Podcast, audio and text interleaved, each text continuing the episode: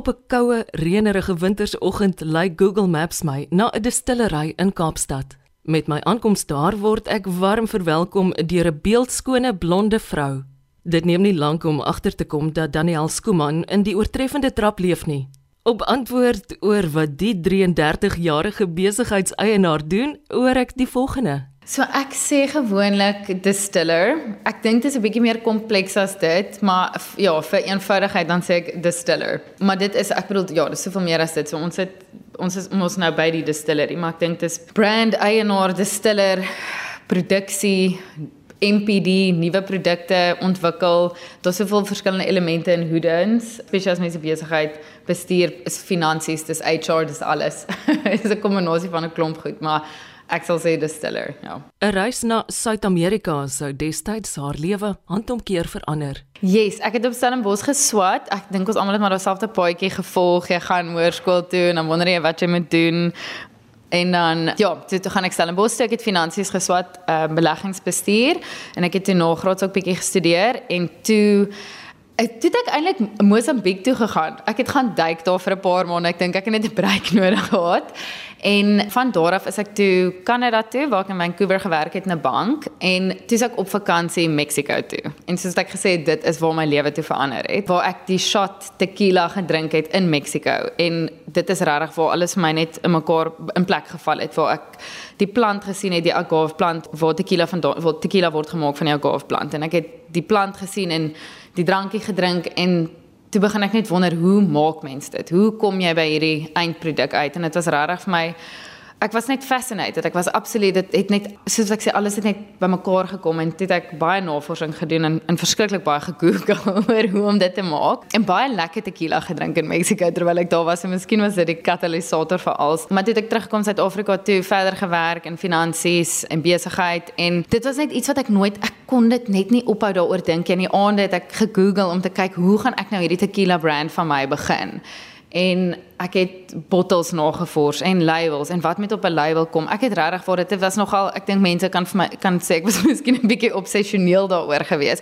Maar dit was regtig net ek wou net meer weet. Ek het gevoel soos hierdie is nou regtig iets wat ek moet doen en ek het vir 'n paar jaar nog aangehou werk soos ek sê in in die koöperatiewe wêreld. En toe het ek net eendag besluit, weet jy wat, ek gaan dit nou net doen. Ek gaan nou net hierdie kans wat ek het nou genoeg hieroor gegoogel, ek het nou genoeg navorsing gedoen. I'm just going to do it. En toe ek bedank en toe ry ek Graafrenet toe en toe gaan kry ek die agave plante daarso En toe vat ek dit na ons plaas toe in Stilbaai en toe het ek besluit, okay, nou moet ek hierdie ding doen. en toe kook ek die plant initially het ek dit in ons pizza oond gesit want dit soos wat jy nou weet oor oor die plant hoe jy dit moet gaar maak is baie belangrik. So jy moet dit teen 'n sekere temperatuur vir 'n sekere tydperk moet jy dit nou gaar en ek het gedink, okay, wonderlike wonderlike idee sit dit in ons pizza oond want daarso kan ek nou die temperatuur reguleer en wat ook al. So dit het ek nou vir 2 dae die pizza oond teen 80 grade aan die gang gehou en die plant daar ingesit nadat ek hom nou opgekap het. My neef het my gehelp. Ons het so 'n ketting saag. Ek dink dit was regtig 'n wille storie, maar in elk geval toe maak ons dit gaar. En toe besef ek maar dit gaan nou net hopeloos te lank vat want ek het toe 'n ton van hierdie goeders en ek kan omtrent ek weet nie 50 kg op 'n slag in die pizza oond sit. So ek was gelukkig genoeg dat ons nou van die masjinerie en goeders op die plaas het toe het ons 'n gat gegrawe en ons het die agaves ingesit en ons het dit toegemaak. My neef het my gehelp met alles en 'n groot vuur aangesteek so bonfire en toe maak ons nou hierdie agave plante gaar. En my neef is eintlik hy's 'n boer ook op Stilbaai so Dit was my regtig baie nice geweest dat hy my op hierdie journey, hy was net soos Daniel, hierdie is 'n belaglike idee but I'm here for it. Soos ek kom, ek hoek hierdie trailer, let's go en dit my regtig baie gehelp met alles. En toe van daar af toe ek nou alles again with Google. Dis ek sê okay, nou moet ek hierdie goeders hoe hoe gaan ek dit nou shred? Hoe gaan ek dit nou hoe gaan ek dit nou hierso pres of wat ook al. En dis al ook boere op Stilbaai wat gehelp het. Iemand het vir my gesê hulle het 'n shredder wat jy nou bome, jy weet die bome deur shred of wat ook al. En hulle sê toe maar weet jy, hulle gaan die masjien vir my bring, laat ek kyk of ek dit daardeur kan sit. En ek dink toe, okay, goeie idee. As druk jy goed toe daardeur, absolute disaster. Daar was net sous en dit was morserig en die arme ou, die ja, dit was 'n bietjie wild geweest, maar in elk geval Dit ons halfte van die goeders deur die shredder gesit, nie so goed gewerk nie. Toe het ek kontak gemaak, ek het familie in Franshoek wat wynmakers is. Toe ek kontak gemaak met hulle en toe is ek met halfte van die goed wat geshred is en halfte van dit wat nie geshred is nie en halfte van dit nog wat in plant is en ag, oh, dit was dit was gemors maar in geval. Dis ek af Franshoek toe en toe is ek daarso besig my oom en tannie is wynmakers op Franshoek en toe het hulle vir my hierdie hand press. Hulle het gesê ek kan maar dit gebruik. Ek moet nou die goed daarin sit, nou moet ek dit nou druk. En dis nou hoe ek die sap gaan uitkry, ek net die liquid uit hierdie plant uit gaan kry. En so dit het regtig 'n hele paar ag ek wil amper sê 2 weke gevat om nou hierdie goeders alles deur die press te sit. En Mense was so ongelooflik hulpvaardig het kom help vir my pres en ag regtig waar dit was net 'n ongelooflike journey. En in van daar af het my oom vir my gehelp toe ek nou die die liquid en toe sê vir my maar nou moet ek fermenteer. En ek sê toe van maar hoe gaan ek nou dit doen? En hy sê nee, maar kom ons praat bietjie want hulle is hy's nou obviously 'n wynmaker en so ja, toe sê hy vir my nou moet ons leer oor gis. Toe ek 'n paar wynmakers bel ons mense. Okay, weet hulle van gis? Weet hulle van dit? Weet jy weet kan iemand help hierso? En regtig vir deur die journey het mense was ongelooflik opvaardig en mense het soveel inligting gedeel en vir my ek het net vir almal beloof ek sal vir hulle bottel te gee na die tyd gee as dit werk en dit was net 'n ongelooflike gevoel om te sien hoe mense vir jou bereid is om jou te help en self navorsing te doen en gekom en self 'n bietjie pres en hier en daar en dit was regtig amazing en het hy nou gehelp met die fermentasie en die gis en ons het verskillende gis van verskillende plekke afgekry en toe moes ek nou die goed distilleer. En dis toe ek nou twee distillers on van Durbanville ontmoet. Dit was 'n pa en seun. En hulle het toe vir my ook net gesê okay kom. Ons hoor jou. We see you Ons is hier vir hierdie journey en toe het hulle vir my gewys hoe om te distilleer en geleer en laat ek hulle masjiene gebruik. Dit was net ongelooflik en toe het ek saam met hulle gebottel aan ander produkte en gehelp en hulle het regtig net vir my ongelooflik baie inligting gedeel en ek dink hulle het gedink ek gaan eventually gaan. Toe sê ek sê nee nee, ek is hier, I'm here to stay. Ek bring my laptop in die dag en dan werk ons saam. Hulle het vir my regtig, dit was net ongelooflik hoe hulle vir my gehelp het en vertel het van gin en die verskillende botanicals en ons het deur soveel goeders geproe en gesels. Deur dit het ek nou geleer om te distilleer en vir 'n ruk saam met hulle gewerk. Actually hulle stil gekoop, toe nog bates bygekoop en dis basies hoe ek die distillery begin het. Oor die vrystelling van haar eie Karoo Agave sê sy die volgende: Dit natuurlik tesame met haar ander reeds bestaande produkte onder die vaandel van Donja Distillery. Dit gaan binnekort beskikbaar wees. Ek is nou ek is juis besig met dit. So die tequila is hierso in die fabriek. Ons moet later 'n strootjie in een van die tanks gaan drink, dan kan jy dit proe, maar ja, die die brand gaan binnekort launch. So onder die distillery ek maak toer whisky en dan doen ek 'n vodka wat ek saam met my pa die label begin het en 'n non-alcoholic spirit, Mahala Botanical en dan nou hierdie tequila. Tanya is vrou. Dit is eintlik net want ek voel my journey het begin in Mexico, so dis Spaans en dit was maar net om jy weet ek dink ook ons distillery, ons is drie vrouens wat hier werk. Partymal sit net ek wil net 'n klein bietjie. Ek dink dit is ons identiteit nie, maar ek dink is regtig belangrik vir my om net so eer te bied aan hoe hard ons eintlik werk en 'n bietjie mis gefight het in die industrie.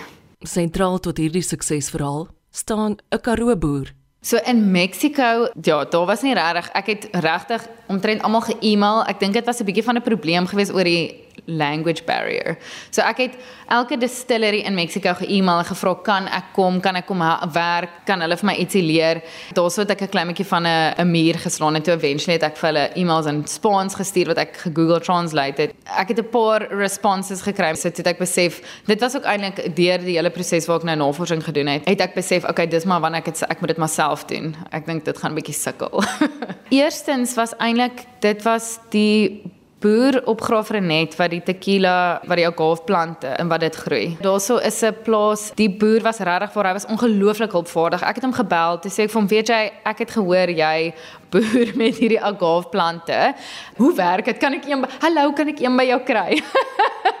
Dit hy nog vir my gesê, weet jy, ek dink hy was op daai stadium was hy oor see gewees. Sy sê hy nee, asseblief kom net. Hier is die adres. Sê vir die ouens, jy weet, jy's hierso, jy gaan jou ton kom optel. Toe ek is ek soos o, hemel, 'n ton. Okay, Tim Murray, dit is die boer ek onthou nog goed en ek het hom eintlik na die tyd weer gebel 'n paar keer vir raad en advies waar hy ongelooflik opvaardig was. So dit was met die initial, jy weet net daai interaksie met hom waar hy vir my gehelp het en gesê het ja, jy weet hy het al mense het al dit van tevore gebruik om tequila mee te maak. Hy maak self tequila met dit en hy het my ook in kontak gesit met mense wat voorheen 'n uh, distillery gehad het op Graafrenet waar ek 'n uh, bietjie navorsing gedoen het of waar hulle navorsing gedoen het oor die gis wat hulle gebruik het. Ongelooflik opvaardig geweest en vir my verskriklik baie inligting gedeel. En ek dink partymal in ander industrieë dan wil mense nie noodwendig so vrylik inligting deel nie. Ek dink ook omdat dit is jy weet dis ongelooflik baie trial and error en mense vind na 'n tyd, jy weet as jy so hard gesukkel het om iets reg te kry dat jy weet dis nou maar jou inligting of wat ook al. So hy, hy het regtig vir vrylik inligting gedeel en ek weet tot vandag toe, ek was nou net eintlik op 'n oproep gewees met iemand wat ook sê hulle wil met tequila bietjie eksperimenteer en toe sê hulle hulle het juist ook met hom gepraat. So ek dink hy is at the forefront of elke liewe persoon in Suid-Afrika wat probeer tequila maak of al gemaak het of daaraan dink het al hierdie man se nommer gehad. Hy antwoord sy foon en hy is regtig bereid om met almal te praat en ek dink dis ongelooflik want elke liewe persoon in Suid-Afrika as jy met hulle praat oor tequila, beloof ek vir jou het hulle al met hom gepraat. Ek dink hy moet 20 oproepe 'n dag kry. Ek moet bely, ek het self nie geweet dat soveel Suid-Afrikaners hul hand waag in die vervaardiging van die betrokke vuurwater, soos ek graag daarna verwys. Ja, so dit is die plant, die agave plant. Ons kan dit nie tequila noem nie, so ons noem dit Karoo agave. Dit word gereguleer deur DAF, So ons kan dit nie tequila noem nie omdat dit nie van Mexiko afkom en na 'n spesifieke streek nie, maar ons kan dit Karoo agave noem. So dit is die varietal van agave plant is nie noodwendig dieselfde as die een in Mexiko nie. So in Mexiko is dit die Blue Weber agave plant wat hulle gebruik en in Suid-Afrika gebruik ons 'n ander strain. Dit is nogal kompleks want ek dink baie keer mense mense ry eintlik verby agave plante en ons weet dit nie. Ek het een op Stilbaai ook 'n ander boer wat my verskriklik baie gehelp het, sommer net uit die grond uit. Hy het gesê nee, hy het een wat groei op sy plaas. Ek moet kom te help en my dit uittrek en dan gebruik ek dit gou om te eksperimenteer. So dit groei vrylik. Daar groei in Kampsbaai in Kaapstad. Het ek al verby dit gery. Daar groei in Stilbaai. Daar groei regtig baie. Ek gaan vir jou foto wys. Mense kan dit Google. Jy gaan dan agterkom as jy in 'n Karoo ry verby hoeveel agaves jy ry. Ek dink elke keer dan sien ek 'n agave plant en dink ek, "O, oh, bottel tequila." So ja, dis nogal interessant. Dit groei vrylik en ek dink baie mense het dit geplant vir gronderosie om dit te verhoed. So jy plant dit teen 'n helling want dit het nog al 'n wortelstelsel wat ver in die grond ingaan. So dit mense het op hulle plase geplant daarvoor juis op hellings. Jy moet dit reg cultivate en jy moet dit op die regte tyd plant en dan vat dit 7 jaar voordat mense dit kan harvest jy moet dit ook doen voor ek dink as die plant blom. En as dit klaar gebeur het, dan gaan die suiker van die plant af na die blom toe. So dan is die suiker in die plant minder as wat dit sou wees voordat dit gespraat het. So dan as jy jou fermentasie doen, dan kry jy nie soveel suiker nie. Pryse en toekenninge teen haar kantoormuur beliggaam 'n werkswyse van uithou vermoë en passie. Ek het ja vir die nie alkoholiese spirit wat ek maak en dan ook actually vir twee non-alc spirits. en ook ja, daar staan eintlik een. Dit was albei van hulle vir Naan elk en dan het ek al 'n paar pryse ook gewen vir vodka. O, ek het eintlik die whisky ook ingeskryf. Ons het ja, ons ek het al 'n paar pryse gewen. ja, ek het al vergeet daarvan. Ek het al 'n paar pryse gewen. Toer, weet jy, ons het baie gewonder oor die naam en ons het vorentoe en agtertoe. So ek en Gerrit Wagner is die hy hoor dit as ek sê CEO my is.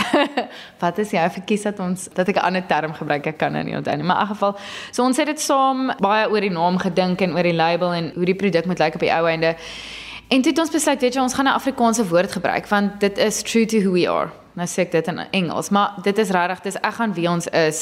Ons is Afrikaans en toer is die magic, die magic van die produk, die magic in die bottle. So the art of creating magic. En ek dink toer is regtig net vir ons belangrik want dit is dis wat ons in die bottel sit. Toer word met plaaslike mielies gemaak. So mense vra baie keer oor whisky. Daar's verskillende maniere wat jy whisky kan maak. Enige graan of malt. In ons geval is dit mielie. Ek kry my mielies by by ek koop dit by Sasco, maar heidaglik die produk wat in toer is, het ons by Destel gekry. So hulle het die mielies verwerk en distilleer en dan doen ons van die veroudering word daar gebeur, gebeur daar en dan van die veroudering word hierso by Donna. Maar ja, ons gebruik plaaslike mielie. Mense is altyd verbaas as ek vir hulle sê whisky word van 'n mielie.